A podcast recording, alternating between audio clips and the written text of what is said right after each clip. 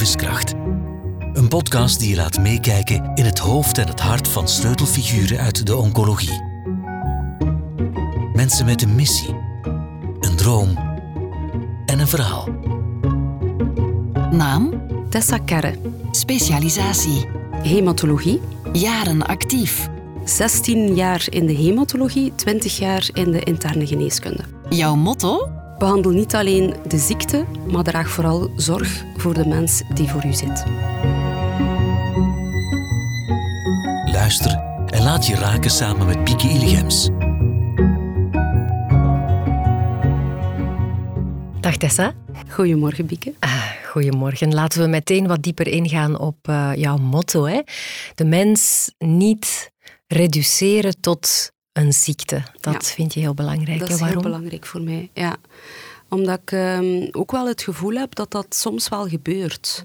Ehm, en dat is denk ik ook wel logisch als zorgverlener, omdat die ziekte wel centraal staat natuurlijk. En dat je vooral ehm, in je opleiding en in je, je taak die je toebedeeld krijgt, ehm, die ziekte moet behandelen natuurlijk. En liefst van al nog genezen. Hè. Ehm, maar en dan heb je evidentie daarvoor en richtlijnen enzovoort. Maar er zijn verschillende zaken waarom dat ik dat zeg. Vergeet niet de mens achter de ziekte. Ehm, dat is enerzijds omdat ehm, mensen die ziek worden, en zeker als een levensbedreigende ziekte is, zoals kanker, ehm, vaak inderdaad worden gereduceerd tot die ziekte. Dat er ook va- vaak van buitenaf gevraagd wordt, hoe, hoe is het met jou? En dat er dan vooral daarnaar gevraagd wordt. En dat gaat niet alleen over de patiënt, dat is vaak ook zelfs ook de mensen rond de patiënt. Hè, dus eh, ik heb gehoord van kinderen van eh, patiënten van mij die zeiden, iedereen vroeg mij, hoe is het met uw mama? En ik vond dat heel lief, zei ze, dat ze naar mijn mama vroegen. ehm, die dus kanker had bij Ja. mijn behandeling was. Maar eh, ik had ook vaak zin om te zeggen, ja, maar ik ben ook nog gewoon wie dat ik altijd geweest ben. En ik ben ook heel blij dat ik goede punten had voor dat of voor dat. En dat ik, hè, mijn, mijn, mijn optreden zo leuk was enzovoort. Maar ik had gelijk geen kans om dat te vertellen, want dat leek dan alsof dat ik alleen met mezelf bezig was. Dus dat is iets dat we heel vaak doen. Als iemand een heel ernstige ziekte heeft, dan enkel daarnaar vragen en verwijzen enzovoort. Ehm, en dan natuurlijk als zorgverlener ja, ben je daarop gefocust. Ehm, wil je vooral die ziekte genezen. Ehm, en dan kies je natuurlijk logischerwijze ook de weg die het meest leidt tot genezing, tot de beste uitkomst, noemen we dat dan. Hè.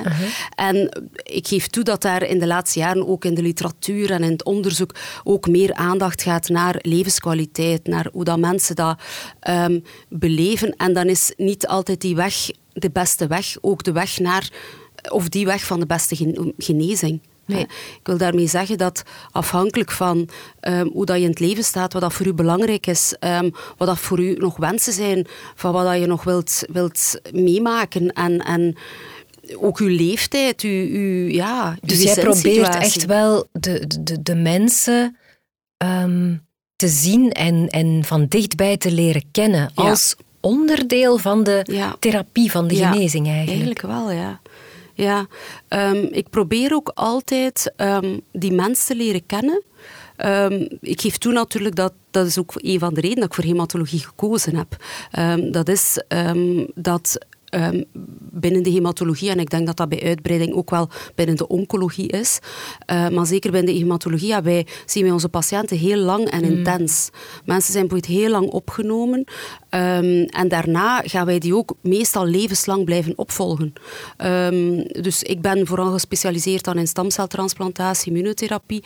Patiënten die een stamceltransplantatie hebben gehad, zelfs al is dat als kind, ehm, die moeten levenslang opgevolgd worden, Ja. omdat er nog altijd late effecten kunnen zijn van die behandeling. Dus je hebt wel kans om, hè, doordat dat eh, proces zo intens is, zeker in het begin, en dat je mensen zo lang opvolgt, om die mensen ook echt te leren Ja, en kennen. hoe groot is dan de emotionele betrokkenheid? Ja, groot hè. Ja. Eh, ja dat, dat is natuurlijk, ehm, dat is denk ik inderdaad wel helemaal anders dan een specialist die hè, iemand één keer per jaar ziet eh, voor een kwartiertje en de check-up en alles in orde en tot de volgende keer. Ehm, dat is, dat is anders. Ehm, maar dat is ook wat dat het voor mij ehm, heel mooi net maakt. Die intensiteit van uh, die band opbouwen met iemand. En, en ik zeg altijd, ja, ik ga een stukje mee met u in die tocht. En ik heb daar een bepaalde taak gekregen en ik probeer dus zo goed mogelijk in te vullen. Um, maar natuurlijk, ja, het is, die betrokkenheid emotioneel is dan ook wel groter. Dat is wel een feit, ja. Ja, zo, zo bouw je wel een enorme band op mm met je patiënt, maar dat mag ik eigenlijk niet zeggen, hè, patiënt. Ik zal mijn best doen om mens, mens, ja. mens uh, ik te zeg zeggen. Het ook soms hoor. Maar... Het is een kwestie van ja. Eh, vertrouwen mm kweken bij de mensen. Ja. Ja, um, ik denk een, een vertrouwensrelatie is heel belangrijk. Um, bijvoorbeeld, ik zeg maar iets, um, het taboe dat nog altijd rond kanker uh, ja. leeft. Um, dat het woord niet mag uitgesproken worden. Hè. Soms komen is dat echt, zo? Ja, het is al veel verbeterd. Hè. Mm. We komen van, van een tijd waar dat het, uh, als, als er op, uh, op de overlijdensbericht stond overleden aan een slepende ziekte, dan wist iedereen wel over dat ging, maar het woord mocht niet uitgesproken nee. worden. Hè. Um, het K-woord bijvoorbeeld. Dus dat is toch nog... Um, en het is nog altijd zo. Het is veel minder dan vroeger, maar de, de geladenheid zit er nog in. En ook het, het deterministische van, ja, kanker, dat is toch... Ja, als je kanker hebt, dan... Doodvonnis, ja. ja. Ja. Wat dat ook helemaal niet meer waar is. Nee. Um, dus dat taboe is er zeker nog. Um, en ik zeg ook altijd, ik ga wel dat woord benoemen. Um, omdat ik vind dat dat taboe ook voor een stuk niet klopt. Omdat er echt wel hoop is. En omdat we veel vormen van kanker echt wel een grote kans op succes hebben om die mensen te genezen. Mo moet voor jou alles bespreekbaar zijn met iedereen? Want misschien kan um, niet iedereen evenveel aan. Ja, dat is waar. Um, ik denk dat um, het bespreekbaar moet zijn, allemaal. Um, en dat is ook weer dat vertrouwen. Ik denk dat het cruciaal is dat de patiënt weet dat hij aan de arts of de zorgverlener bij uitbreiding alles kan zeggen. en dat is ook heel belangrijk. Ik heb onlangs was er een patiënt die mij zei: Ik neem die pillen eigenlijk al een paar maanden niet meer. En ik dacht even: Oei. Nu, het was geen behandeling voor, voor iets kwaadaardigs. Het was zelfs geen kwaadaardige ziekte. Het was een preventie voor een, voor een, mm. um, een infectie. Hè. Maar het kan wel uh, gevolgen hebben voor de therapie. zeker gevolgen ja, hebben. Ja. Um, maar dat is dan dubbel bij mij. Dan um, zeg ik, ik ben heel blij dat je mij dat zegt. Mm. Daar begin ik dan mee. Ik ben heel blij dat je mij dat zegt. En hoe komt het dat je het niet genomen hebt? Hè? Um, een andere ding zou zijn van... Oeh, heb dat niet genomen? Ik heb ik toch duidelijk gezegd dat dat heel belangrijk was dat je die pillen nam. En, en um, ik, ik hoor die frustratie heel vaak bij mijn collega's. Ja. Waarom? Ik heb dat zo goed uitgelegd, hoe cruciaal dat die medicatie is en ze nemen die niet. En, en die patiënt had het nu gezegd, maar soms zien we dat in het bloed, omdat we de concentratie in het bloed meten, omdat die hè, moet op een bepaald niveau zijn. En dan zien we, mm, dat is heel laag, hoe komt dat hier? Heb je pillen wel genomen? Ah, ja, mm, ja, ja, eigenlijk niet zo nee. getrouw enzovoort.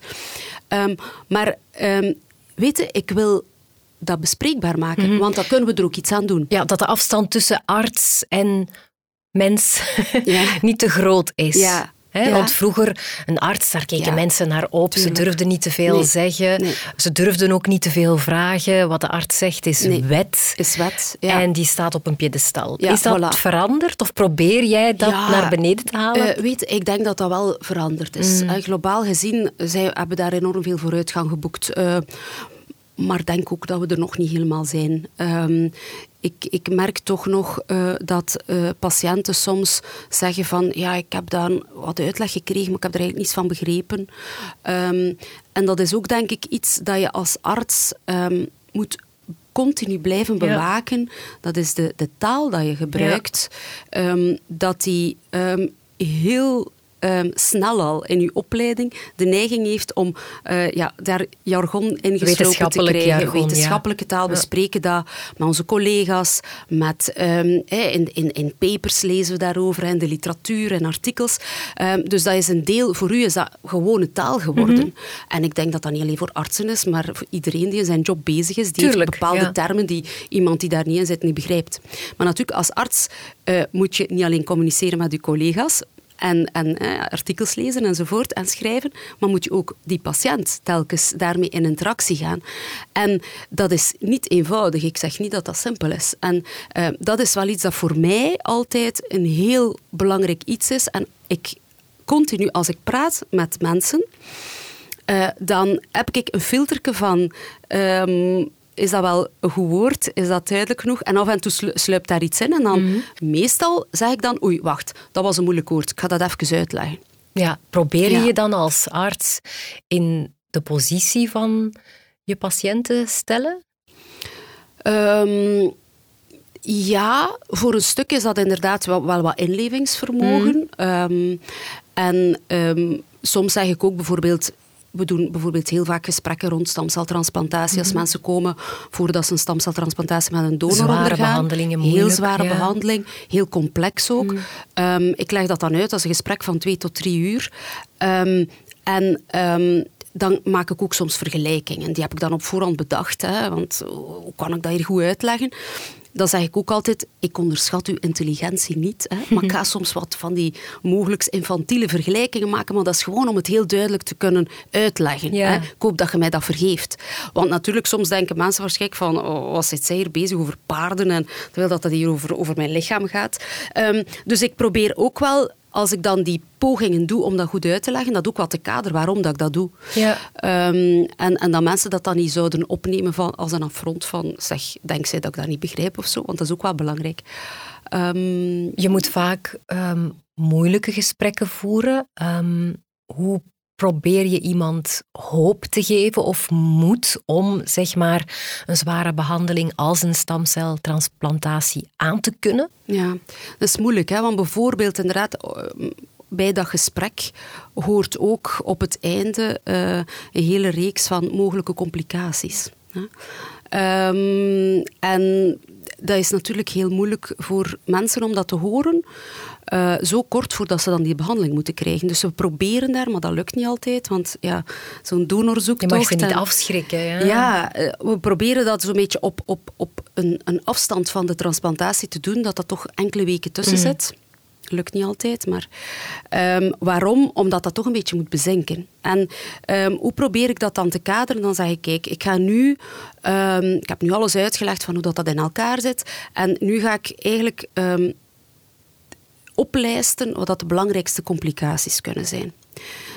en dan zeg ik, kijk, als je een bijsluiter leest van een dafalhan. Ja, dan gaat het dood. Dan denkt je, ja. oh, laat maar zo. Wat ik daar allemaal van kan krijgen, ja. ik zal maar gewoon hoofdpijn hebben. Hè, dus ik ga die pil niet nemen. Terwijl, hoe vaak, hoe vaak nemen we een dafalhan? Hè, en hoe vaak leidt dat tot complicaties? Klopt, hè? ja. Voilà.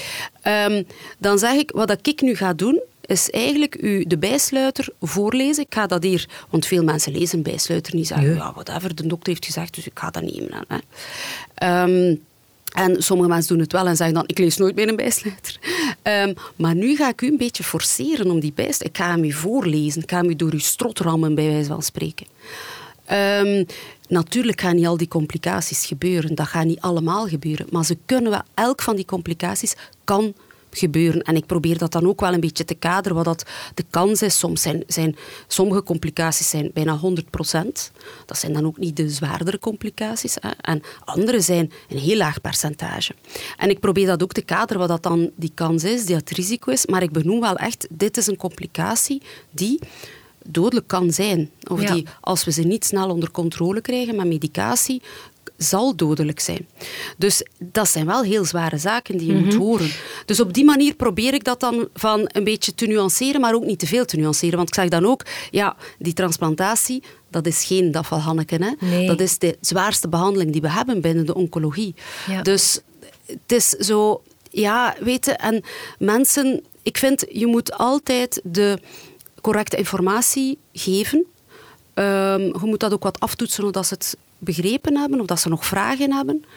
Um, maar um, je moet ook wel altijd die hoop laten zonder dat het liegen wordt. Hmm. En dat is niet altijd te gemakkelijk. Nee, dat is een dunne dat is een moeilijk evenwicht. Ja, want niet iedereen wil weten hoe ernstig ja. het is met hem ja. of haar. Hè? Ja.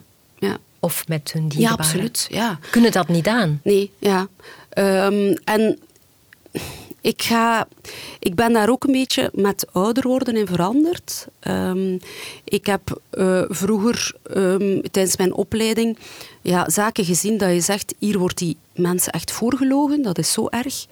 Um, Wat zeggen je van, dan? Ja, ja bijvoorbeeld um, zeggen van, um, ja, weet je, dat is hier een klein bolletje dat daar zat in de pancreas bijvoorbeeld, pancreastumor, een klein bolletje dat daar zat, we hebben dat volledig kunnen wegnemen en dan is die patiënt weg en dan zegt de, de prof tegen hè, de, de zaal van studenten, ja, dat was, dat was een gigantische bol en we hebben maar een stukje kunnen wegnemen, we hebben het open gedaan, we dachten, dat is hier hopeloos dicht gedaan. En dan zat ik daar van, meent je dat nu echt? Je hebt er net aan die patiënt gezegd dat dat weggenomen is. En dus dat vond ik zo chockerend. Um, en het is... Ik vind dat iedereen recht heeft op de mhm. waarheid. Ja. Langs de andere kant, en ik, ik heb onlangs een heel lang gesprek gehad met iemand die um, gehoord had uh, van een collega um, die eigenlijk al meer dan tien jaar in behandeling was voor een bepaalde kanker, uh, die eigenlijk op dit moment niet geneesbaar is. Maar dat had hij nog niet gehoord. Dus hij was daar al meer dan tien jaar voor in behandeling. En hij, had van, hij kwam, werd nu naar ons doorverwezen voor een transplantatie. Um, en ze hadden gezegd, kijk, we gaan dat zo goed mogelijk controleren. We gaan dat proberen onder controle te krijgen. En hij had dat geïnterpreteerd, onder controle krijgen. Ja, oké, dat, dat, dat, is genezen, hè? dat komt goed. Hè? Uh, maar je hebt altijd wel een kans dat het terugkomt. Dat was gezegd. Um, en die ziekte was tien jaar onder controle geweest. Dus hij had eigenlijk tien jaar geleefd van, oké, die ziekte is onder controle, het kan terugkomen, maar ja, hoe langer dat, dat duurt, hoe meer dat dan naar je achterhoofd. Ja, totdat het dan zover is, en dan is het natuurlijk weer een bom die barst. Hè. Um, hij kwam dan bij ons, bij een collega, die zei, heel duidelijk stelde, ja, maar ja, ook met die transplantatie kunnen we dat niet genezen. Die ziekte gaat sowieso terugkomen. En dat was voor hem een, echt een bom. Van, maar wacht, wat zegde je mij nu? Ik moet hier zo'n zware behandeling krijgen. En sowieso weet ik al nu dat dat niet gaat genezen. Hoe lang dat onder controle, dat weten we niet. Dat kan ook opnieuw tien jaar zijn, of dat kan langer zijn, of dat kan korter zijn, of we weten het niet. Um, zegt hij, ik, ik, was, ik zat daar zo van in de put. Ik, echt, de mensen rond mij hebben hij echt moeten Terwijl daarvoor hij tien jaar redelijk gerust had kunnen, ja. kunnen leven. Terwijl dat ik zeker weet dat er andere mensen zouden zijn die, als ze dat zouden nooit zouden zeggen, ik had dat wel willen weten dat dat niet. Dus iedereen is, is dat anders. als een aanvoelen? Ik weet persoonlijk ook niet of ik het zou willen weten. Ja. Ik denk dat ik ook liever zou leven met het idee van oké, geef mij een beetje hoop, er is een kans. En dat ik dan meer zou vechten. En dat is toch ook deel van de genezing, denk ik. Ja, het is, maar dat is bij iedereen anders. Ja, het is bij iedereen anders. Langs de andere kant, um, als je bijvoorbeeld... Dit is nu natuurlijk een situatie van... Um, Oké, ik, ik, je kunt ook dezelfde boodschap brengen. Uh, we hebben heel veel ziekten die we niet kunnen genezen binnen de hematologie. Uh, maar dat we continu vooruitgang maken. We hebben ook ziekten, dat zeg ik altijd. Ik geef altijd die hoop van die wetenschappelijke vooruitgang. Ja. En ik zeg, kijk, ik kan nu, 16 jaar na mijn eerste dag als hematoloog, um, kan ik nu mensen genezen die ik toen niet kon genezen ik zeg maar iets, ziekte van Kaler, multiple myeloom. Toen hadden we een handvol opties. Nu hebben we ze zijn legio. Dus dat wordt eigenlijk een beetje een chronische ziekte. Mhm. hè? Um, uiteindelijk, astma kan je ook niet genezen. Hè? Allee, ja. Nee, zwaar, dat wordt oh chronisch. God, ja. ik, heb, ik heb zelf ook astma. Ja, oké. Ik kan dat, dat gaat nooit weggaan. Hè? Nee. Maar toch kan ik daarmee leven. Ja. Dus, het is zoeken naar de beste tactiek om mensen hoop te geven, eigenlijk. En ook inderdaad zeggen van, kijk, hoe dat we nu staan, nu kan ik u niet zeggen van, wij kunnen dit volledig wegkrijgen. Je gaat ook altijd onder controle moeten blijven. Dat zeg ik ook altijd. Um, we gaan nu nooit lossen. Die mm. navelstreng gaat altijd wel langer worden, maar we gaan die nooit doorknippen. Je blijft altijd komen. En waarom dan, dokter? Goh, omdat er toch een aantal lange termijn complicaties zijn, um, maar ook omdat we nooit zeker kunnen zijn dat de ziekte niet zal terugkomen. We gaan nu moeten blijven opvolgen. Ik heb bijvoorbeeld het woord genezen. Je zei het genezen. Ik ga dat niet zeggen. Nee. Ik ga dat nooit zeggen. Dat is misschien erg, hè? maar dat is een beetje liegen. Want zeggen je bent genezen, dat wil zeggen, die ziekte is weg. Je bent genezen van de ziekte. Ik zeg altijd, de ziekte is in remissie, is onder controle. We vinden met alle mogelijke technieken dat we hebben, en die worden altijd maar gevoeliger, geen enkel restje terug. Maar ik kan niet zeggen dat het genezen is. Nee, want stel dat het dan wel terugkomt, dan gaan ze geen vertrouwen meer hebben in de dokter. Ja. Want dan en heeft ook, de dokter gezegd, ja, maar ik was zijn. toch genezen. Ja, ik was toch genezen. Het zou ook een beetje liegen zijn. Uh, nu natuurlijk, er gebeuren zaken dat, dat ik ook niet had allee, ingeschat van... Allee, waarom is die ziekte na zoveel tijd teruggekomen? Waar heeft die zich verschanst? verschanst? Mm. En hoe is die kunnen terug opduiken? Um, de, pff, ik, ik kan Allee, het is niet dat ik al zo lang bezig ben, maar er is zoveel... betrokkenheid bij de mens, hè, zo zijn Ja. we begonnen. En ik heb mij ook laten vertellen dat je eh, wat langer consultaties houdt dan Ja. je collega's. Ja. Dat je er wat meer tijd voor neemt. Ja, en ik probeer dat ook te bewaken. Ik heb dat een paar keer moeten verdedigen. Want dan wordt dan natuurlijk altijd gezegd van ja, hè, je kunt natuurlijk, ik heb ook een redelijk lange wachttijd. Ja, als er mensen dringend moeten komen, ga ik die erbij boeken natuurlijk. Dat is geen enkel probleem. En soms is dat wel eh, in het haar krabben van hoe gaan we dit nu weer doen. Maar eh, uiteraard, ja, je, je kunt geen jaar wachten met een urgent probleem uiteraard. Nee. Maar eh, dat wordt dan dikwijls wel een keer gezegd, ja, je kunt dan ja, 20 minuten in plaats van een half uur nemen en dan kun je wat meer mensen op een voormiddag zien. En dat klopt, maar ik loop dan liever wat langer uit dan eh, die tijd te beknabbelen. En ik zeg niet dat ik altijd die tijd nodig heb, maar soms heb ik ook wel langer nodig. Ehm, en het zijn dan de mensen eh, die ehm, de, langere tijd nodig hebben, eh, die mij dan ook die... Allee, daardoor heb ik ook die speling. Ja. En een dokter die op het uurwerk zit te kijken van, goh ja, weet je, moet nu afronden, is een moeilijk gesprek en die patiënt is aan het wenen en die partner is aan het wenen. Eh, maar ja, we moeten nu wel afronden, want de volgende patiënt zit klaar. Oh nee, dat... dat eh, Nee, maar soms moet het wel. Als er een wachtzaal vol ja, zit, dan... Je kunt niet zeggen, je kunt hier uur eindeloos, blijven zitten. nee. Ehm, maar, ehm, ja, weet je, hebt soms vijf minuten langer nodig en dan neem ik die vijf minuten. Ja. En dan moet de volgende patiënt ehm, moet dat wel langer wachten. Maar ik heb nog nooit iemand gehad die daar boos om geworden Nee, is. iedereen zal daar wel begrip Ja, voor ik zeg hebben. dat Ja. ook. Excuus voor het wachten. Het was een beetje hè, moeilijke, moeilijke gesprekken. Of, of goh, er moet daar niet altijd een uitleg bij. Maar zij weten dat ook natuurlijk van... Ze hebben vaak zelf ook al in die positie gestaan dat het eh, een, een slecht nieuws was. En dat er ook meer tijd genomen werd. En dan zijn er soms andere consultaties dat alles goed gaat.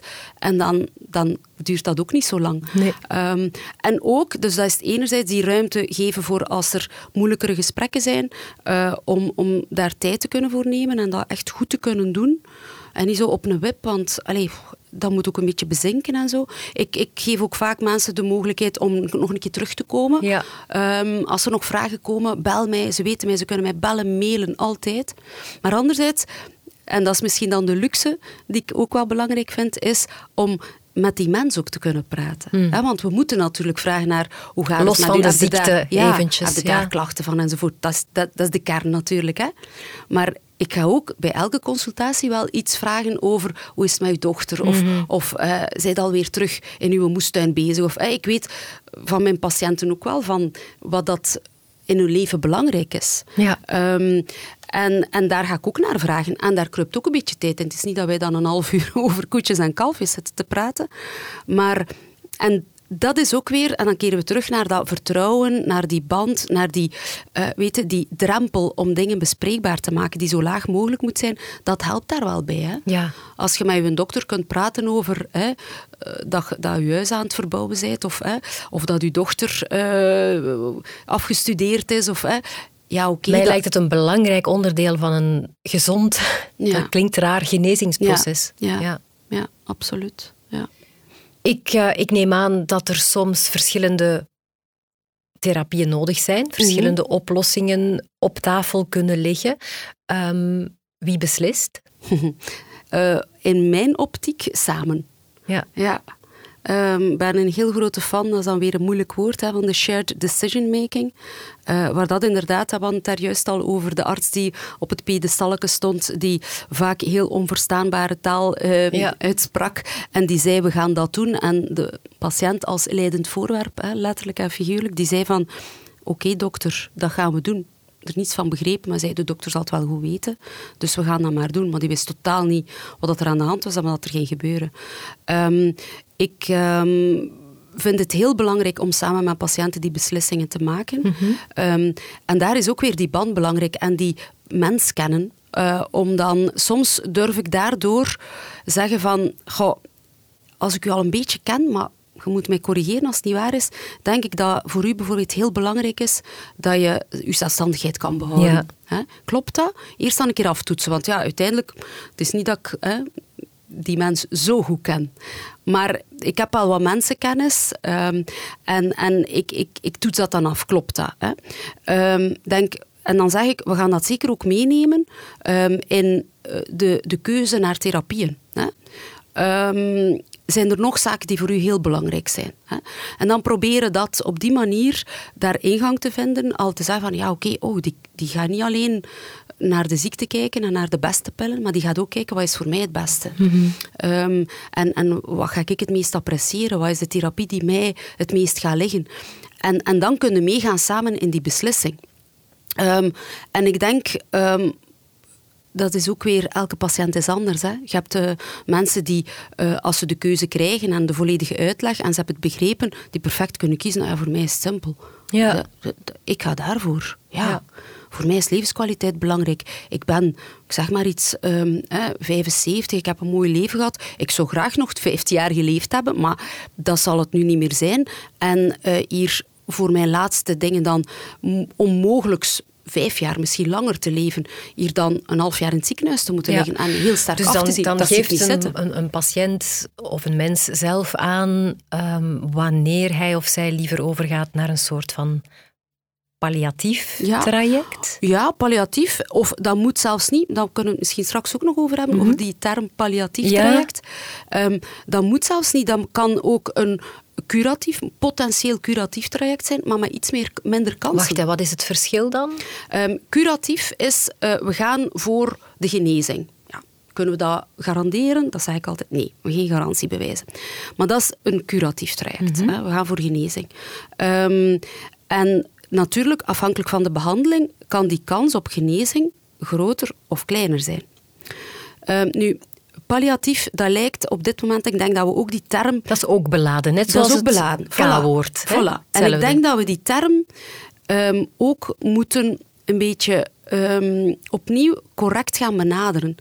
Palliatief wil eigenlijk zeggen dat je uh, de, de kwaliteit van leven bewaakt. Dat je um, belang hecht aan pijnstilling, aan comfort. Ja, en nu staat het vaak synoniem ja. voor opgeven. Ja, het is het een of het ander. Gaan we voor curatief ja. of palliatief? Nee, eigenlijk. Um, en het was onlangs het Belgisch Congres voor Hematologie, waar dat er een uh, Amerikaanse collega kwam spreken die daar heel veel onderzoek rond gedaan heeft. En die zegt, eigenlijk moet je die, dat palliatief traject van in het begin ook laten samenlopen met het curatief traject. En dat is dan discussie kan dat dezelfde arts zijn die dat doet, of moeten dat twee verschillende artsen zijn?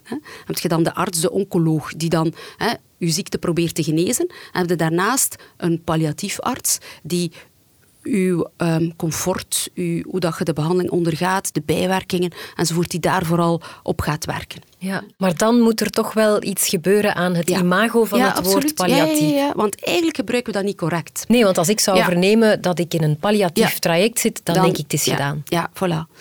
En ik denk, um, en dat wordt ook vaak zo gebeurd, je gebruikt ook hè, palliatieve zorgen, uh, palliatief supportteam, pal maar dat zorgt er ook voor dat het zo beladen wordt om dat te bespreken. Ja. Um, en ik, ik ben bijvoorbeeld ook um, enorme voorstander om het, het palliatieve, het, het comfortmatige, um, van bij het begin ook te bespreken. En als we die beladenheid kunnen weghalen van dat woord, dan gaat dat ook veel gemakkelijker zijn. Want je hebt mensen die zeggen, wat, wat, wat woord palliatieve? Het zijn zelfs mensen die dat niet kunnen horen. Hè? Nee, ja. Die zeggen, palliatieve is dodenhuisje. Hè? Mm -hmm. um, dus, um, en ik probeer dat ook wel als... Te, en dan, als we dus die, die term, die beladenheid kunnen afnemen, dan denk ik, kunnen we echt wel gaan naar twee parallele wegen die lopen. Ja. Naar de curatie, maar we proberen dat wel op een manier te doen die zo comfortabel mogelijk is. En soms natuurlijk, als we want onze therapieën bijvoorbeeld in de hematologie zijn super zwaar. Hè? Mm. Heel zware chemotherapie. Dat is echt afzien, afzien, afzien. Hè? Dus je moet soms ja, daar uh, in dat palliatief traject dan bepaalde steken laten vallen om naar die curatie te kunnen gaan. Of omgekeerd. Of omgekeerd. Ja. Voilà. Ja. Ehm, maar dus, en als, er, als je altijd zegt van kijk, uw comfort, dat is voor ons heel belangrijk. Even belangrijk als die ziekte. Hè? Jij bent degene die aan het stuur zit. Hè? En jij bent degene die bepaalt wat dat je over hebt om naar die curatie te gaan. Hè? Ja. Als jij op een bepaald moment zegt, het gaat niet meer, het lukt niet meer, ja, dan gaan we even van die weg af. Is dat definitief? Dat hoeft niet zo te zijn. We kunnen weer naar die curatieve weg gaan. Dat is mooi. ja. Ehm, maar ehm, die optie is er wel altijd. En ik denk dat dat ook heel belangrijk is, omdat heel vaak, en dan komen we weer tot die gezamenlijke beslissing, dat patiënten beslissingen nemen voor hun partner, voor hun kinderen, zelfs voor de dokter. Hè? Dat ze zeggen, ja dokter, maar je hebt al zoveel voor mij gedaan, kan ik nu toch niet zeggen dat ik ga opgeven? Dan zeg ik altijd, maar dat is niet opgeven. Hè? Opgeven, nee. Dat woord, dat is geen... Dat is inderdaad weer die terminologie. Eh, Ik heb een boek geschreven, Immuun voor Kanker, waar Ja. ik ook een hoofdstuk gewijd heb aan eh, de terminologie vechten. In, in kankerbeleving. Hè. Heel beladen ook. Ehm, sommige mensen vinden dat verschrikkelijk, omdat dat de verantwoordelijkheid legt bij de patiënt. Van, ze heeft Ja. de strijd En waar je verloren. tegen vecht De wordt ook groter verloren. vaak in de- hoofd, ja. ja. Ehm, nu, sommige patiënten gebruiken die terminologie zelf. Zeggen, ja, ik vecht tegen mijn ziekte. Dat is zo, ik heb het in handen. Ik heb het. Terwijl anderen zeggen, ja, ik heb ik niets te vechten. Hè. Het zijn de artsen die aan het vechten zijn. Of we vechten samen. Of ik haat die terminologie Of het is mijn lichaam, ja. Iedereen is, staat daar anders in. Dat is ook zoiets, iedereen is anders. Laat iedereen, laat elke mens op de manier die die persoon zelf het beste vindt, het beste voelt, op die manier beleven. En dan denk ik, heb je daar als omgeving, als zorgverlener ook, een, een taak om dat te erkennen en de patiënt zijn haar weg te laten kiezen. Maar als patiënt heb je daar ook een, een taak een beetje om te zeggen, kijk, zo zie ik het. Ja, ja. Hè? Je hebt daar ook, want het is niet altijd gemakkelijk om te zeggen, oei, mag ik die terminologie nu gebruiken of niet? Dan moet je ook als patiënt zeggen, goh, ik vind dat eigenlijk niet, dat woord zo vechten en ik heb dat eigenlijk niet zo graag. Ja, de patiënt heeft Ja. ook een verantwoordelijkheid in het duidelijk maken van Ja. zijn of haar wensen. Voilà. En dan is opgeven, dat lijkt dan zo, ik ga niet meer strijden, ik geef op. Dat is diezelfde terminologie. Hè? Alsof, Ehm, ze- alsof ze een arts moeten pleasen. Voilà. Ja. Of, hè, ik, ik, ik heb het ook al meegemaakt, ik, ik voel dat dan meestal zo wel aan. Hè. Ehm, een, een jonge ouder van twee kinderen, hè, als je daar als arts een optie geeft. En je weet, ze hebben al heel veel behandelingen. Eigenlijk, de kans dat dit nog in orde komt, is bijna nul. Ehm, moeten dan nog een behandeling voorstellen? Dat is moeilijk, hè? Want Ja. enerzijds, je gaat altijd wel ergens een case report noemen we dat dan, hè? ergens in de literatuur vinden Wonderen bestaan dat dan, er, ja. voilà, hè? Dat, dat dat wel een keer gelukt is. Hè? Maar natuurlijk, veel anderen die enkel lijden hebben veroorzaakt en dat, dat er dan de patiënt dan toch overleden is. Dus, maar als je die optie dan voorstelt als arts, als jonge persoon hè, met kinderen, ik geef nu een klassiek voorbeeld, dat hoeft niet, hè, maar ehm, ja, dan zijn je bijna moreel verplicht om die kans te grijpen. Want ja, je, je wilt toch alles gedaan hebben opdat je kinderen hun ouder niet zouden verliezen. Terwijl dat je eigenlijk denkt in jezelf, ik kan niet meer, ik kan echt niet meer, ik wil stoppen. Het gaat niet. En ehm, dan vind ik het als arts soms de verantwoordelijkheid om te zeggen van... ehm, ik ga het misschien niet voorstellen, maar dat is heel, dat is heel moeilijk. Want hè, wie ben Ja. ik dan om iemand een kans, als die die toch wilt grijpen, om die te ontnemen? Ik ben... Ja, hè, Ja, ik ja, heb ook dat recht Ja, niet. Hè? nee. Dus dat is heel moeilijk. Dat is dus een ik probeer daar dilemma. mijn, mijn Mm. buikgevoel te volgen. Hè. Ehm, wat ik meestal doe, is om toch, allez, zeker als het zaken zijn dat het toch een kleine kans is, ook klein, maar enfin, toch een reële kans zal het zo zeggen, ehm, om wel te zeggen van, ehm, is een optie om nu te stoppen. En die optie is niet opgeven. Dit is een zeer valabele optie. We moeten die weg van de volgende chemo en afzien enzovoort. Want uiteindelijk is dit een weg. Je hebt al zoveel afgezien dat nog een keer afzien is met bijna 100% kans dat het toch niet lukt. Ja. Die weg, die moet je niet nemen. Hè? Die weg van te stoppen. En door die optie zo duidelijk te stellen, Ehm, Maak je het eigenlijk duidelijk? Maak het duidelijk, wat- ja. ja. En geef je ook die kans, en door dat zo te benoemen van dit is niet opgeven, dit is, niet, dit is een zeer valabele optie, enzovoort. Ehm, op die manier probeer ik het, ehm, ja, die, die weg zo open mogelijk te maken. Dat ze dus, dat die keuze niet opgedrongen wordt. En dat ze echt wel kunnen kiezen voor zichzelf. Maar dat zij nog aan De ultieme keuze voor zichzelf is dan euthanasie. Jij begeleidt ook mensen die daarvoor heel bewust kiezen. Ja. Ehm, hoe voel je dat aan? Hoe is dat om dat te doen? Hoe belangrijk vind je dat dat die keuze er is? Ik vind dat heel belangrijk dat die keuze er is. Eh, ik ben heel dankbaar ehm, dat ik in het ziekenhuis waar dat ik werk, in het UZ Gent, ehm, dat dat kan. Want ik weet ook dat dat niet in elk ziekenhuis kan. Ehm, en ik zou het bijvoorbeeld heel erg vinden als ik patiënten al zo lang begeleid, ehm, als zij eh, kiezen voor euthanasie, dat ik zou moeten zeggen, ja, maar nu stopt het hier bij ons. Onze weg houdt hier op, nu moet ik u naar iemand... Oh, dat... Ik, Nee, Boah, als je zo'n innig ja. contact met iemand Ja. hebt opgebouwd en dan... dat, zou, dat zou niet lukken. Nee. Dat zou ik verschrikkelijk vinden. Ehm, ik denk zelfs dat dat, moest dat niet lukken, moest dat niet mogen, dat dat, dan een reden zou zijn om dan niet in dat ziekenhuis te willen werken. Echt? Ja, ja. Ja. Ik denk niet dat ik daarmee zou kunnen leven. Ehm, professioneel dan, hè.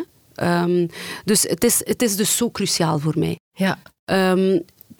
Het wordt niet zo vaak gevraagd, hè.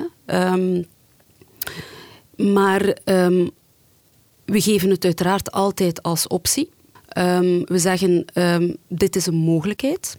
Ehm, ook de andere opties natuurlijk. Hè. Eh, opname op eh, palliatieve zorgeenheid, eh, thuis met ondersteuning palliatieve zorg. Dan wordt de huisarts natuurlijk belangrijker. En zijn wij een beetje meer aan de zijlijn indien nodig. En eh, ze kunnen altijd komen als ze willen. Maar dat is natuurlijk zo'n beetje een, een, een andere manier van de, de, de behandeling hè, dan verder te zetten. Dan is de, de patiënt en de huisarts zijn dan de, de bestuurders. Ehm, en dan zitten wij een beetje meer van achter. Ehm, maar dus al die opties worden besproken. En ook, ook dus die euthanasie. En eh, als mensen dan zeggen, ja, dat is iets dat ik wil, ehm, dan... en als het dan gebeurt ook, dat is meestal zo... Dat klinkt misschien raar, maar zo mooi moment. Ja? Omdat dat een moment is dat die mens zelf gekozen heeft. Van, nu is voor mij... Dit is mijn grens. Hè. En ik zie wel ook het feit dat die optie er is. Op zich gaat er vaak voor zorgen dat mensen hun grenzen verleggen. Hè. Want je hebt heel vaak mensen zeggen... Als ik hulp eh, nodig heb, als ik niet meer zelfstandig dingen kan doen en ik heb andere, hulp van anderen nodig, dat is mijn grens. Ja. Ehm, dat is al een heel vroege grens. Hè? Ehm, maar heel veel mensen denken zo in het begin. Ehm, en dan zijn ze zover. En dan merken ze, want je groeit daar ook in, hè, in, Tuurlijk, in ja. hulp vragen, wat dat het moeilijkste ter wereld is, denk ik. Ehm, en dan zeggen ze, ja, oké, maar goh, oké, ik heb inderdaad, ik, ik, ik heb regelmatig, moet er iemand komen, ik kan mijn eigen boodschap bijvoorbeeld niet meer doen, of eh, ik heb hulp nodig daarbij of daarbij. Ehm, maar ik heb zoveel betekenisvolle momenten nog. Ehm, mijn kinderen of kleinkinderen hè, zie ik opgroeien. Dat is voor mij belangrijker dan die, die, hè, dat afhankelijk zijn voor een stuk. Hè. Ehm, dus je ziet wel dat mensen hun grenzen verleggen. Maar het feit dat ze weten, als ik dan toch het gevoel heb dat die grens daar toch weer is, ehm, dan kan, kan ik ervoor kiezen Ja. om te stoppen op het moment dat ik het wil. Dat is ehm, zo'n belangrijk zelfbeschikkingsrecht. Waardigheid. Ja, Ja. ja. Ehm, en dat is, ja, weet je, mensen hebben zo op het moment van de euthanasie dingen gezegd zoals, hier heb ik zo naar uitgekeken. Ja. Als je zoiets zegt op dat moment, Dan weet je dat ze van Ja. heel ver komen en ook mentaal een, een heel zwaar traject hebben afgelegd. Ja. En dan als arts, hoe cru het ook klinkt, dat je iemand een spuitje toedient, maar het is toch een verlossing. Heb je Mhm. Ja, toch het absoluut. gevoel dat je iemand... Ehm, ik vind dat op dat moment het mooiste wat ik kan doen voor die Ja. mens. Ehm, en dat is ook, ik zeg niet altijd hoor, maar bijna altijd is dat ook voor de ehm, dierbaren die dan aanwezig zijn, ook een, een, een heel mooi moment. Ja. Dat ze koesteren. Ehm, er wordt dan bijvoorbeeld hè, muziek gespeeld dat, dat de persoon zegt ik wil dat liedje horen nu. Ehm, iedereen is er heel dichtbij. Um, er worden nog ja, wat, wat ja, laatste kan woorden het niet gezegd. Worden, nee. nee. En weet je, dat is zo een, een afscheid dat zo troostend kan zijn ook. Omdat dat echt zo is van, ik heb die, dit moment gekozen. Uh, en die mensen rond mij, en nu ga ik dood. Ja, maar ik kan me voorstellen, uiteraard zal er heel veel schoonheid in zitten, maar dat het als mens toch ook wel moeilijk is. Met welk gevoel ga je dan naar huis? Leeg. Uh, Dat is altijd hetzelfde. Dus dat is heel bizar. Um, en dus ook al ben ik inderdaad um, een grote voorstander van euthanasie, um, vind ik dat zo mooi dat iemand kan zeggen: Dit is mijn grens en nu kies ik ervoor omdat het lijden stopt. En ik zeg dat altijd: dat is op een bepaald moment is het niet meer leven, maar lijden dat je aan het verlengen bent. En dit is de persoon zegt, dan is het voor mij, stopt het um, kwaliteitsvol leven en wordt het alleen nog maar lijden. Um, dus ook al sta ik daar volledig achter, vind dat iets dat deel uitmaakt van mijn rol die mij ja. werd toebedeeld in die, die tocht samen met die patiënt, um, blijft dat wel nog altijd iemand dooddoen, hè? Ja. Die, die, die ligt daar, die is heel ziek natuurlijk, terminaal ziek. Ja, je geeft een dodelijk spuitje, daar komt het op neer. Ja. Na een paar ja, seconden is dat zelfs, hè, na het eerste spuitje, is die mens, stopt hij met ademen. Hè. Ben je daar dan bij als arts? Ja. ja. Dus eigenlijk geven wij klassiek vier spuitjes. En um, eigenlijk bij het inspuiten, bij het eerste spuitje, is eigenlijk al, gaan ze al ja, de ogen vallen dicht en ze, ze stoppen met ademen. Hè. Weet je nog de eerste keer dat je dat gedaan Ja, ja, ja. allemaal weet ik ze nog hoor. Ik ga nu niet zeggen dat ik hier onmiddellijk alle namen en geboortedata kan opschrijven, maar uh, ik, ik, ik kan ze mij nog allemaal voor de geest halen. Um, en daarna is er een soort van... Dus dat blijft zo ook een, een, ja, heel moeilijk ook natuurlijk. Hè. En dat is ook iets heel intens, vind ik, met de verpleegkundige dat moment. Ja, um, het hele team, denk ik, dat daar op een bijzondere manier naartoe leeft. Ja, zeker. Ja. En um, dus ik weet ook, ik ga ook al kunnen zeggen, die euthanasie heb ik met die verpleegkundige gedaan, die met die verpleegkundige, ja. Ja. Ik ben dan ook altijd zo'n beetje, ja, moet ik het zeggen, zenuwachtig. Um, zo, ik zeg dan altijd aan de verpleegkundige, jij gaat het kraantje openzetten. Dat is zo'n echte typische verpleegkundige taak natuurlijk, het kraantje openzetten. Want dan denk ik, als ik dan zo... Dat blijft een, een onnatuurlijk iets en iets dat ook indruist tegen... Ja, wat je als arts wil doen, wil je genezen, wil je beter maken. Hè? Nu, dit is beter maken, want het is lijden oplossen. Maar toch blijft het zoiets... Ja, iets heel moeilijk om te doen. Gewoon die akte zo. Ja. Um, en ik zeg dat dan zo een beetje met een kwinkslag van, hè, ga de geit aan het kraantje? Ja. Um, en ik zet de spuit natuurlijk dan. En um, dat is zo, je doet dat samen, dat is zeer intens ook. En daarna is dat ook samen met die verpleegkundige. ja, ik geef je altijd een dikke knuffel. En, en dat, is zo, dat, dat is zoiets, ja, dat is iets moois, maar ook iets heel raar ook. Hè. Dat blijft raar. Hè. Dus, het is, ja, ik kan me voorstellen dat daar toch wel wat emoties bij Tuurlijk. komen kijken. En bij mij is dat echt zo... Ik zeg dan altijd, ik ben gelijk zo een leeg hulsje. Zo. Het is hmm. zo gelijk dat er zo alleen nog een, een, ja, een omhulsel is en van binnen ben ik niets meer zo. En neem je dat mee naar huis? Um, goh, mijn, mijn, mijn man en mijn zoon uh, weten dat altijd. Als ik, uh, want dat wordt dus niet zo van, we gaan nu straks... En dat is iets dat op voorhand wordt afgesproken. Ik zeg dat ook tegen mijn patiënten als het er sprake komt van... Um, hè, soms vragen ze, ik zou graag dat jij het doet. Of um, soms uh, ja, wordt dat zelfs niet besproken, maar gaan ze ervan uit, natuurlijk ga je dat doen. Of zie je het zitten dat je dat doet. En, um, ik zeg dan ook altijd, ja, ik wil dat zeker doen voor u. maar dat is iets dat voor mij ook uh, niet vanzelfsprekend is. Hè. Dus dat is wel iets dat we samen dan ook dat moment gaan kiezen. Mm -hmm. En uh, ik doe dat bijvoorbeeld nooit s morgens. Um, mijn patiënten weten dat ook. En waarom uh, niet morgens? Omdat ik niet... Allee, ik moet daarna Daarna, ja, ja, ja oké. Ja. Dus ehm, in een wacht bijvoorbeeld, ik heb het ooit een keer moeten doen, omdat gewoon, ja, die persoon was zo aan het afzien en dat was echt niet meer te doen. En ja, dan, dan zijn je alleen verantwoordelijk voor ja, een hm. volledige afdeling en dan kun je niet zeggen, ik ga even naar huis um, om uit te waaien. Um, maar dat, dan heb ik ook gedacht van, ik, ja, als het moet, moet het. En ja, dat was gewoon geen uh, ja, menswaardig uh, lijden meer. Um, dus we konden niet uitstellen tot maandag. Um, maar dat heeft, dat heeft, langer in mijn lijf ge, gehangen ja, ja, ja. daardoor.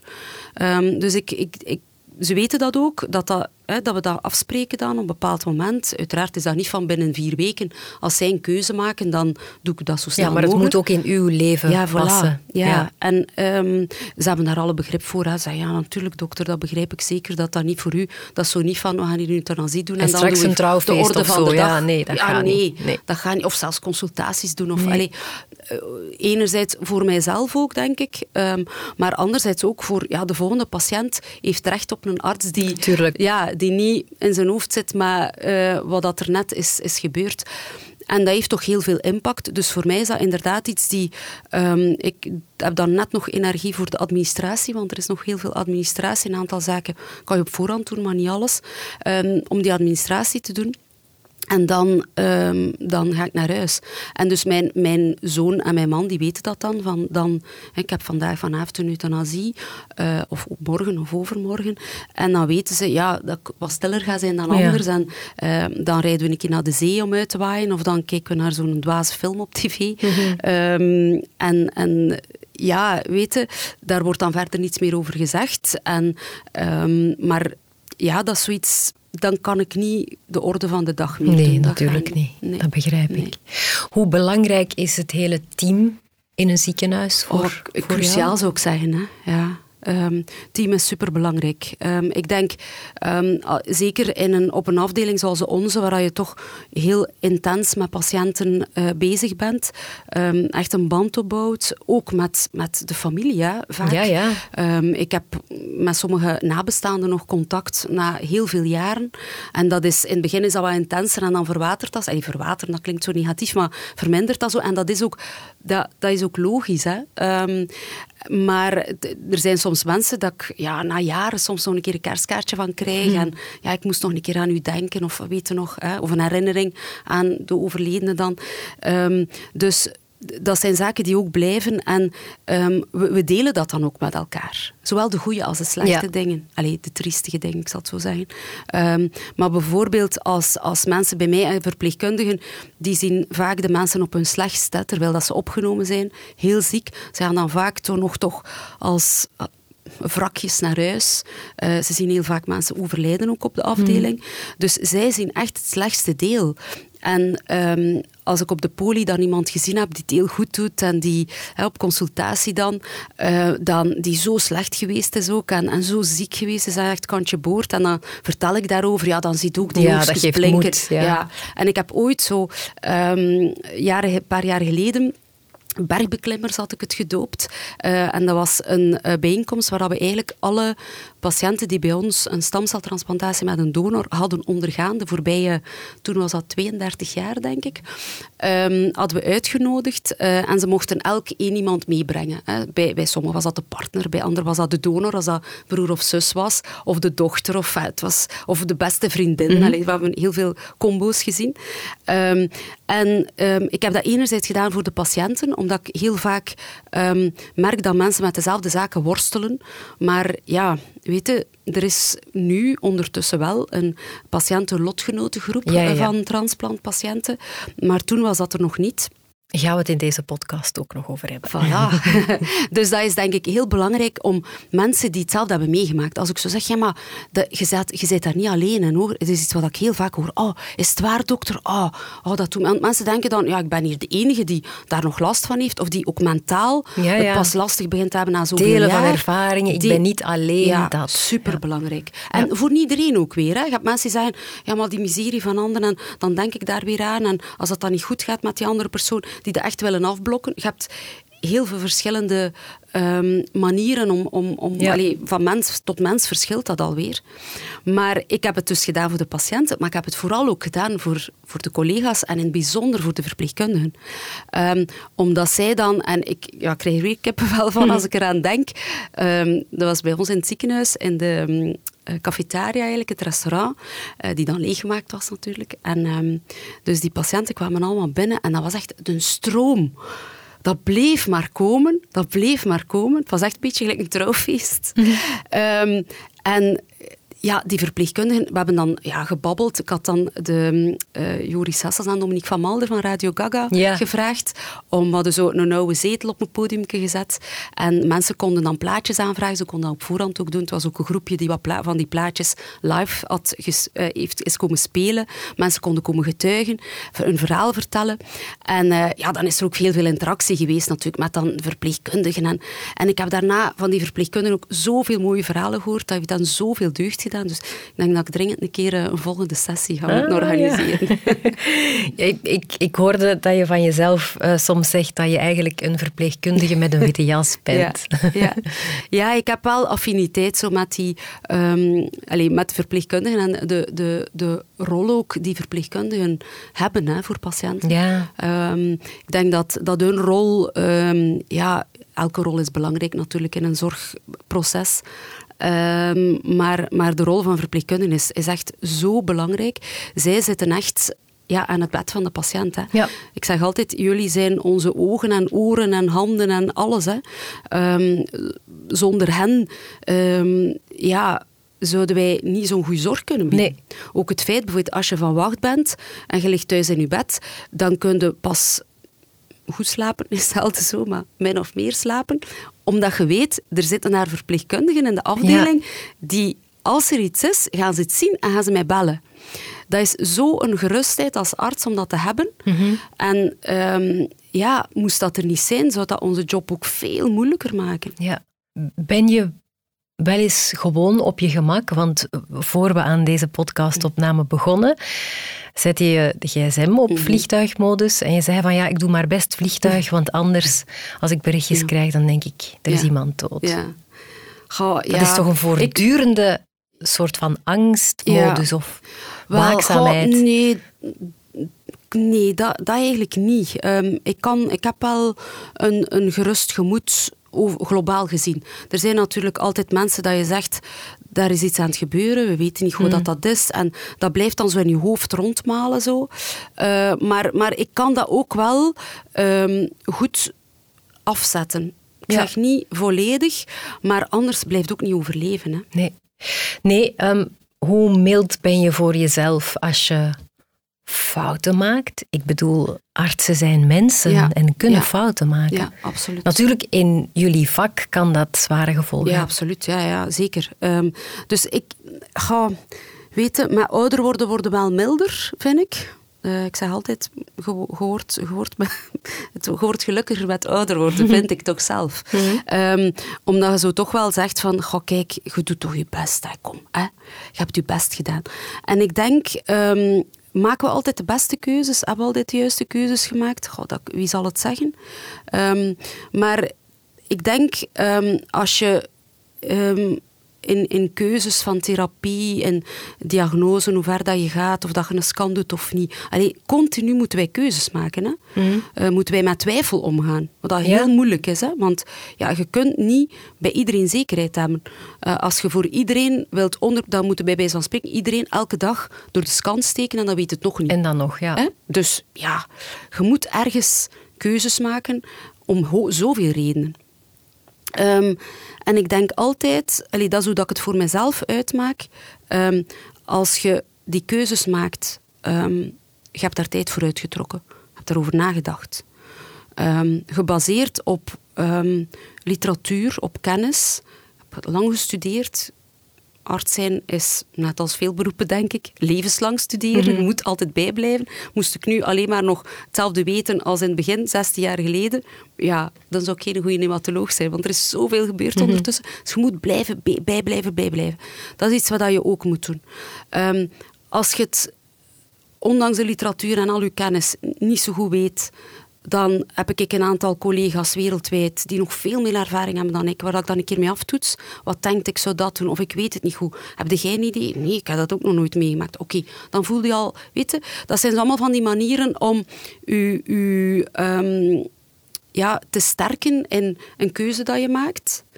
Um, en dan heb ik daar vrede mee. Ja. Ook al blijkt dat dan, ja, is dat niet de goede keuze? Je weet het niet, ja. was die andere keuze Als het beter vanuit geweest? integriteit gemaakt Ja. is, dan kan je zelf nooit Ja. iets verwijten. Nee. En dan heb, heb je nooit ik- momenten dat, je, dat het je allemaal wat te veel wordt?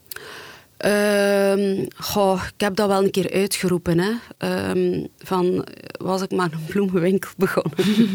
Ehm, en toen was er reactie van, eh, je weet jij dat niet, hoeveel zorgen dat mensen Ja. met bloemenwinkels Ja, hebben, zeker. ja. Soms is die verkoop ook niet goed enzovoort. Dus zo rooskleurig is dat niet hoor. Ah, dat is een mooie woordspeling, rooskleurig en Ah, dat is inderdaad Dat mooi. was hè? het niet, dat is niet schoon. op voorhand bedacht. Maar, ga weten, ik denk dat soms van, ik, ik, ik eh, ja, kijk er wel naar uit om eh, met mijn pensioen naar Frankrijk te trekken en boeken te lezen en mijn moestuin te doen enzovoort. Zo Het zorgeloze leven. Maar ik weet ook, en mijn man weet dat nog beter, die zegt, maar ja, dat zou niet lang duren bij u. Hè.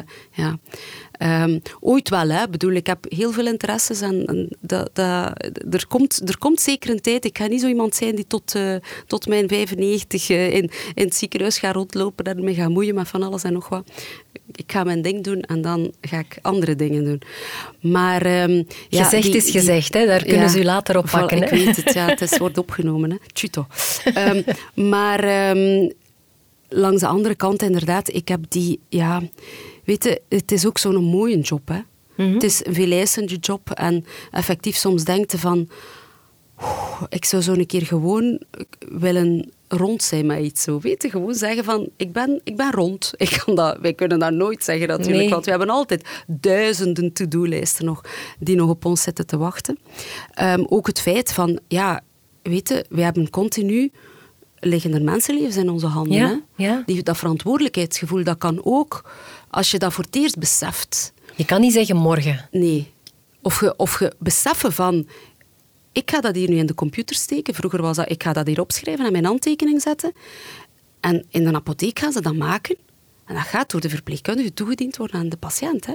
Dus jij zijt hier wel degene die iets instrueert. en die patiënt gaat de lijst van impact- bijwerkingen Ja. misschien. Ja. Ja. Dus de eerste keer dat je dat besef hebt, dat is zo, ja, na je studies, als je als assistent begint en dan effectief die verantwoordelijkheid, dat is dan nog een gedeelde verantwoordelijkheid of een subverantwoordelijkheid. Hè. Dat wordt dan altijd maar groter en verder. Ehm, dat is wel even schrikken. En dan denk je van, oké, maar ik ga dag in dag uit continu van die dingen moeten opschrijven en moeten insteken en moeten hè, ja, daar mag je je niet door laten verlammen. Nee, als je, als, als dat, dat, dat gaat niet. Dus ik moet gewoon zorgen dat ik daar goed over nadenk, dat ik dat check, dat ik dat dubbelcheck, dat ik dat aftoets. Ehm, als ik niet zeker ben, dat ik zeg, we gaan nog even over nadenken, enzovoort. En dan, ja, oké, dan heb ik mijn best gedaan, alles gedaan wat Ja, kon. het is natuurlijk, hè, je zegt het, de verantwoordelijkheid voor mensenlevens ligt in uw handen, maar je moet toch wel ergens grenzen stellen om het leefbaar te, te houden voor, jezelf jezelf. dan. Ja, ja. Ik heb dat daar moeilijk mee. Ja. ja, maar Wil dat, waar, zeggen dat, je het nooit helemaal kan loslaten? Ehm, ik probeer, maar het is moeilijk. Ehm, ik, ik probeer wel bijvoorbeeld ehm, op, op, in de zomervakantie, dan probeer ik wel even, en meestal lukt mij dat zo in de middelste week. En vroeger nam ik altijd twee weken vakantie. Ik heb altijd vrij veel vakantiedagen over. En dan zeiden twee collega's van mij, dat neem ik hier drie weken. Ja, ja, ja. Je gaat dat merken. Dat is een, zo'n verschil. Want inderdaad, week één ben ik meestal ziek. Ja, dat is, typisch, dat is ja. klassiek. Van de hè. stress loslaten, Eh, ja. Loslaten en voilà. Ehm, dus dat is al niet zo'n toffe week. En dan is het nog unwinden en ook nog ja, losse eindjes. En ja, no- het is nooit allemaal afgewerkt en ik wil toch een beetje rust in mijn hoofd. Dus dan is dat echt nog een beetje Mm. afwerken en doen. En dan die tweede week zei al aan het denken, ik begin weer volgende week. Hè. Ja. Terwijl drie weken, inderdaad, die middelste week, en ja, sinds tien doe ik dat dus, een paar jaar al, ehm, dat is een topweek. Hè, ja. Ja. En dan, ik zeg niet dat ik dan nooit aan mijn werk denk, eh, want ik heb bijvoorbeeld, hè, ik, ik heb dan een boek geschreven, ik heb nu weer een boek net eh, geschreven, dus ik probeer Oh, in die, in die vakantie dan ja, nog? ja. De, boek, de, de boeken zijn geschreven in de vakanties. Ja. Of in het weekend natuurlijk ook. Ehm, maar goh, ik ik, schrijf heel graag, dus dat was voor mij nu niet echt een, een, een zeer grote opgave. Ik doe dat ook heel graag. Maar als natuurlijk die deadline dichterbij komt, wordt dat wat, dat wordt dat wat minder relaxed schrijven natuurlijk. you know what I'm talking about. Ehm, dus... Um, maar ja, dan kan ik wel die rust vinden. Mhm. Ehm, en ik heb ook natuurlijk zowel uh, wat zaken die ervoor zorgen dat mijn hoofd tot rust komt. Ja, en wat doe je dan los van de vakanties om te ventileren? Om te ehm, ontspannen? wel, ja, ik denk uh, cruciaal in een, een, job zoals de onze een warm nest hebben, dat dat heel belangrijk is. Dus um, als je thuis komt en, en er wordt gelachen en je kunt een keer je hart uh, uitstorten en, en um, er is heel veel liefde en begrip. En, want ik besef als geen ander hoe moeilijk dat, dat ook is om iemand zoals mij als partner of mama te hebben. Dat moet ook niet zo simpel zijn. dus uh, ja, dat is denk ik dat staat van boven. En dan uiteraard hè, mijn ouders, eh, vrienden, familie. Allee, superbelangrijk allemaal. Um, en dan zijn er zo ja, die kleine dingetjes, zoals ja, mijn moestuin. Ik heb zo'n serken in de, in de tuin, um, waar dat ik vooral tomaten kweek. Um, dat is wel mijn specialiteit. ja. Ook rood, maar ik heb ook groene en gele tomaten. maar dat is zo echt iets... dus kijk er al enorm naar uit dit weekend. Mijn zaadjes zijn toegekomen. Bestel elk jaar zo wat nieuwe zaden. Mijn man zei, je hebt er nu toch al genoeg. Ja, ik heb denk ik al 50 variëteiten of zo, want ik hou die dan ook bij. Hè. Ik kweek oh, die dan, dus ik heb een ganse zadenbank. Uh, maar ik zeg, ja, ik weet het, maar het is toch ook leuk om elk jaar zo wat nieuwe variëteiten te hebben. Dus ze zijn toegekomen deze week, dus ik ga dit weekend uh, zaadjes beginnen planten. Um, en dat is zo echt iets, ja, je moet daar naartoe. Tomaten zijn redelijk arbeidsintensief. Um, dus in de zomer, lente begint dat al, moeten elke dag naar die serre. Zoals een huisdier eigenlijk. Ja, een beetje wel. Ja. Um, en dat is echt, ik kom thuis, ik ga naar de serre en dat hoofd is even leeg. Dus dat is instant rustgevoel daar. Ik heb dan nu niet veel andere dingen, want ik ben ook recreatief bezig. Bijvoorbeeld ik teken en ik schilder. Um, maar bijvoorbeeld om te kunnen tekenen heb ik al een soort ja, rust in mijn hoofd nodig. Ik kan niet zeggen thuiskomen en dan begin tekenen. Nee, dat gaat niet. Uh, dus daar heb ik al, dat, dat kan eigenlijk bijna alleen maar in vakanties. Na de serre tekenen dan? Na de serre tekenen, voilà, dat is hoe ik dat een keer proberen van de zomer. Als je nu moet... Um, je kan al terugblikken hè, op, een, op, een, op een mooie carrière die nog absoluut niet afgelopen is, maar als je er nu een mooi moment moet uithalen, welk moment zou dat dan zijn? Goh, zoveel mooie momenten. Ik denk, um, we hebben het daar juist al over die bergbeklimmers gehad. Dat mhm. was echt wel voor mij ja, een van de mooiste momenten. Zo, omdat dat, ja, weet als je zo denkt van dat zijn allemaal mensen uh, die er misschien zonder ons team en zonder de behandeling niet meer zouden geweest zijn. Uh, die we doorgehaald hebben, allemaal samen. dat je weet van wauw. Ja, dat was echt toch wel, denk dat dat toch um, professioneel gezien uh, ja, een van de kersjes op de taart was. Maar um, ja, meer uitgebreid als er een patiënt bij mij op consultatie komt die goed is en die uh, vertelt over een kleinkind dat geboren is. Of ja, patiënten die zwakker geworden zijn, hè, de jonge mensen dan. Um, dat is niet altijd natuurlijk eenvoudig, want vaak door de behandeling zijn ze onvruchtbaar geworden. Dus dat is vaak maar heel veel hmm. uh, eh, IVF-pogingen en uh, vallen en opstaan en, en, veel teleurstelling ook. En het lukt ook vaak niet. Um, maar als het dan wel lukt, allee, dat zijn zo van die momenten, dat zijn echt mijn energiebommetjes en dan voel ik zo mijn, mijn bidonnetjes energie weer bijtanken. Um, en dat zorgt er ook voor dat je ook tegen de miserie dan weer Dus dat is echt dat mijn tegenwicht. Ja, dat is echt mijn tegenwicht.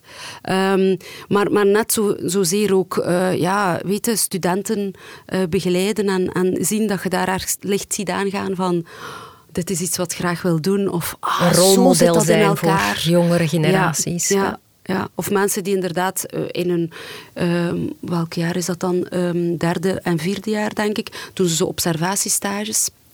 Uh, dus dat is nog een, een, eerste stapjes in de, in de geneeskunde dan, in de klinische praktijk. En dan zitten ze zo ja, te observeren. Hè. Dus ze zitten naast u in de consultatieruimte. En dan was er zo bijvoorbeeld een student die zei, allee, ik dacht helemaal toe interne dat dat zo saai ging zijn, maar zo complex en zo leuk. En die mhm. interactie met die patiënten, dus ik, ik heb meer keigoed geamuseerd. Dus die was echt zo helemaal, die had zo echt het licht gezien van, oh, dokter zijn, dat is echt tof. Zelfs hematoloog zijn kan leuk zijn.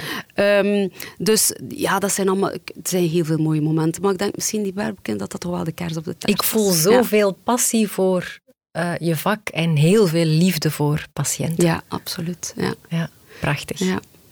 Heel erg bedankt voor Met dit gesprek. veel plezier. En uh, misschien de fakkel nog doorgeven. Ja. Hè? Wie mag voor jou de volgende gast zijn in deze podcast? Ja, ik zou graag de fakkel doorgeven aan Marijke Kwagebuur, verpleegkundig specialist. Uh, in, bij ons in het ziekenhuis, al heel lang ook. Heel veel ervaring, heel warme vrouw, ja. heel gepassioneerd. Um, ze zal waarschijnlijk denken, goh, heb ik wel genoeg te vertellen, maar ze heeft heel veel te vertellen. Ja, en om al die um, verpleegkundigen toch de eer te geven die absoluut, ze Absoluut, voilà. Inderdaad, heel belangrijke rol, cruciale rol. Fantastisch, super bedankt. Heel graag Dank je wel.